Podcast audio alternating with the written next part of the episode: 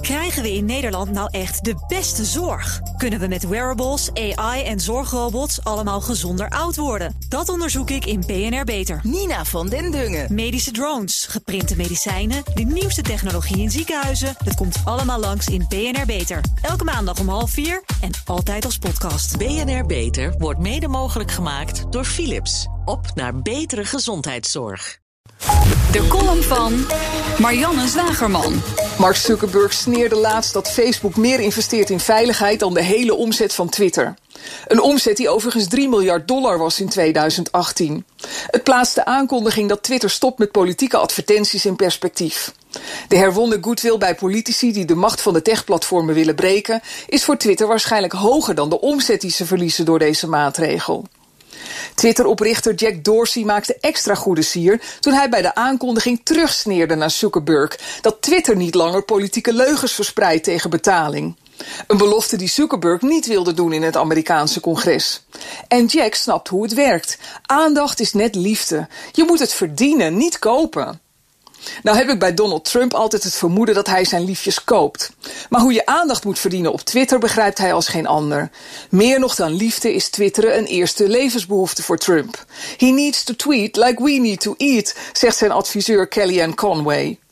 De New York Times maakt een analyse van het Twittergedrag van de president. De Donald blijkt steeds fanatieker te twitteren. Hij stuurde in oktober maar liefst 271 tweets in een week. Dat red ik niet eens. En ik houd van Twitter alsof ik het zelf baarde. De helft van zijn tweets gebruikt Trump om zijn vijanden aan te vallen. Zijn berichten zijn vooral venijnig als hij nog of alweer in bed ligt. Wat mijn vermoeden bevestigt dat Twitter hoger op zijn prioriteitenlijstje staat dan liefde.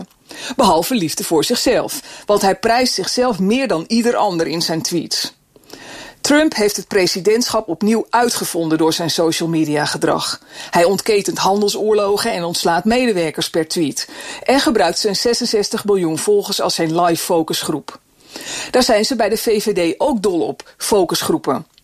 En wellicht voorsorterend op de advertentiestop zijn ze begonnen met het verspreiden van hemeltergend infantiele korte filmpjes op Twitter. Vloggende Kamerleden die schichtig hun iPhone aanstaren terwijl ze ingestudeerde tekstjes oplepelen. Het is niet te doen. Het hele Witte Huis heeft op alle mogelijke manieren geprobeerd het Twittergedrag van de president onder controle te krijgen. Kansloos. Zijn authenticiteit is zijn kracht. Alles wat Trump goed doet, doet de VVD fout. Op Twitter althans. Over de rest mag u zelf een mening vormen. Daar heeft u mij niet voor nodig. Dat zei Marianne Zwageman, onze vaste columnist op dinsdag. En als u haar column wilt terugluisteren, dan kan dat uiteraard. Dat geldt voor alle columns van alle columnisten.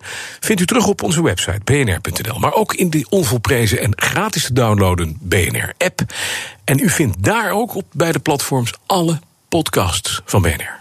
Krijgen we in Nederland nou echt de beste zorg? Kunnen we met wearables, AI en zorgrobots allemaal gezonder oud worden? Dat onderzoek ik in BNR Beter. Nina van den Dungen. Medische drones, geprinte medicijnen, de nieuwste technologie in ziekenhuizen. Het komt allemaal langs in BNR Beter. Elke maandag om half vier en altijd als podcast. BNR Beter wordt mede mogelijk gemaakt door Philips. Op naar betere gezondheidszorg.